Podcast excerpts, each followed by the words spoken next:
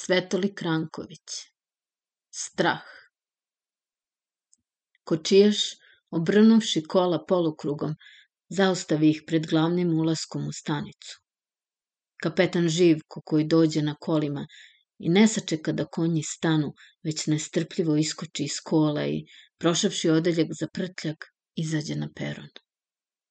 Pogledavši u veliki časovnik i sravnivši njegove kazaljke sa svojim srebrnim časovnikom, uputi se k vratima na kojima beše ispisano šef stanice. Predanje izađe nekakav niži železnički činovnik. Živko ga zaustavi, učtivo prine se ruku kapi i blago zapita. Molim vas, kad stiže voz iz Pirota? Odmah posle Beogradskog. Odgovori činovnik i htede da pođe. Znam, brate, ali kad? Ukoliko? Hoću reći tačno minuta. 6.45. Odgovori ovaj i ode.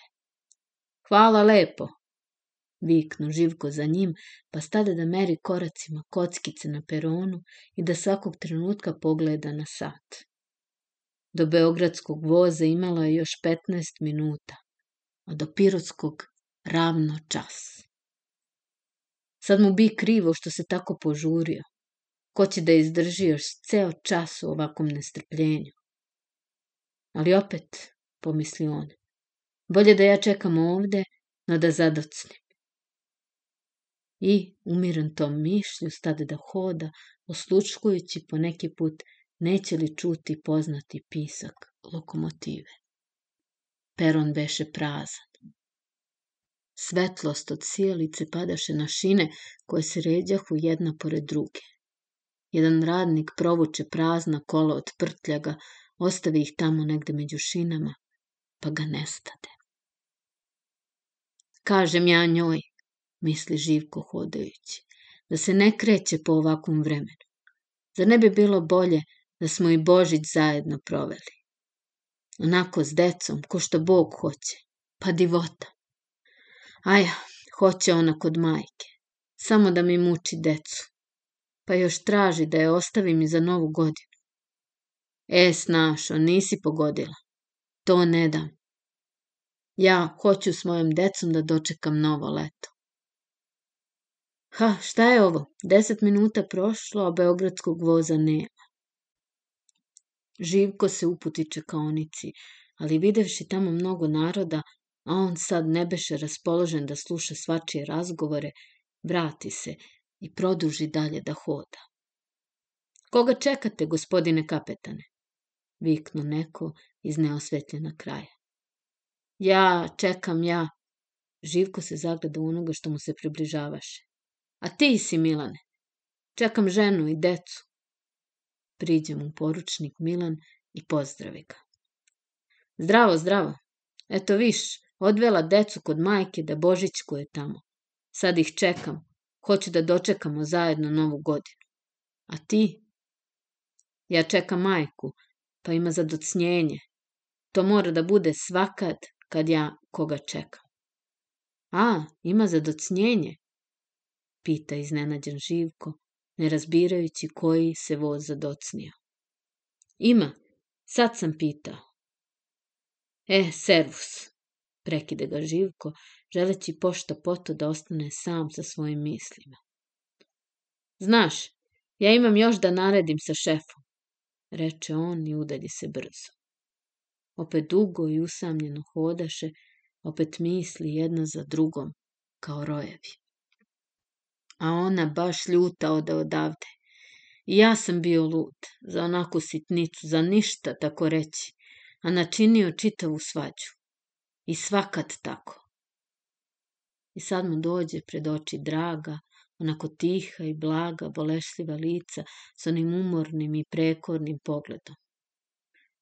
Oh, baš sam lud, pomisli on, pa stade još brže da hoda. Odjednom čuje on neki živ govor. Ne zna koje je vreme, ali drži da je prošlo vrlo mnogo. Približi se grupi železničara koji stajahu između šina u živom razgovoru. Jedni trčahu k telegrafu, a drugi k zgradi gde stoji rezervna lokomotiva. Na 130. kilometru, viknu neko glasnije. Prokleto mesto. Sad će vlakovođa biti gotov. Jedan iz gomile odvoji se i prođe pored živka. Molim vas lepo, šta je to bilo? Zapita ne dišući. Iskočio voz, odgovori ovaj u hodu. Gde? A putnici? Viknu Živko i potrče za njim. Ne zna se još ništa. Živko stade. Svetlucaju sjelice i treperi u tami slaba im svetlost, a on zanemeo kao da mu je paralisan svaki živac. Na jedarec se obrte i potrča napred, prođe staničnu zgradu, pa dohvati ravnu prugu pirotsku i pojuri njom, ne znajući ništa za sebe, ne misleći ni o čemu. Samo mu pred očima proleću neki svetlaci i u mislima stoje samo oni, njegovi najmiliji, koji tamo negde u ravnom polju, na ovoj studeni, možda leže razmrskani, pobijeni, mrtvi. Šta je ovo? Ne može biti. Zar baš sad kad oni dolaze? Zar baš ovaj voz? To je ono što sam ja navalio kao lud. Dođi pa dođi. Trebaju mi deca za novu godinu. A ako slučajno nisu pošli ovim vozom? A depeša? I on se pipnu po džepu gde mu stojaše depeša u kojoj žena javlja da dolazi večeras. Znam, ali mogla je zadocniti za voz. Mogla ju je zadržati majka. Ali on pojmi da njegova draga ne bi smela učiniti ono što je protivno njegovoj volji. I njegova sobstvena pogreška još više pade mu na dušu i on potrča još brže. Stoj! viknu neko pred njim. Slaba svetlost prođe mu preko lica i on poznade čuvara pruge. Ko je to?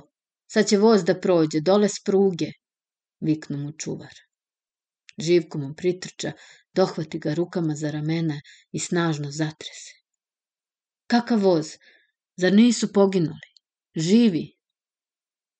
Čuvar se otimaše, misleći da ima posla s nekim ludakom, ali kad spazi ofistirsku kapu, umiri se. Pirotski voz, gospodine, šta vam je? Pirotski, zar nije iskočio? Smrvljen. Kao odgovor na to pitanje začu se izdaleka tutnjava voza koja se približavaše sve više.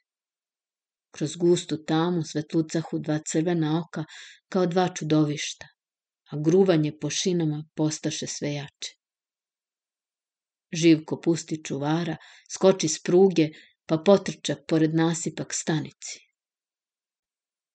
O Bože, učini čudo, moja mila dečica, I on trčaše i sve snage, a za njim iđaše sve bliže i bliže sa gruvanjem i treskom noćni voz.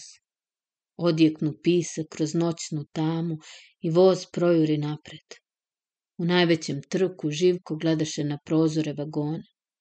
Učini mu se da promače poznato mu detinje lice. Jest, on je, njegov mali Mića. O Bože! Polomrtav od umora stiže na stanicu.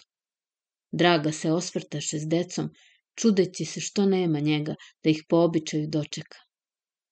Na jedared iz mraka ispade on i zgrabi u ruke oboje dece, privuče ih na grudi i gledaše ih čudnim, uplašenim pogledom. Živi! Glas mu zadrhta, a iz očiju potekoše vrele suze. Hajde, hajde u kola.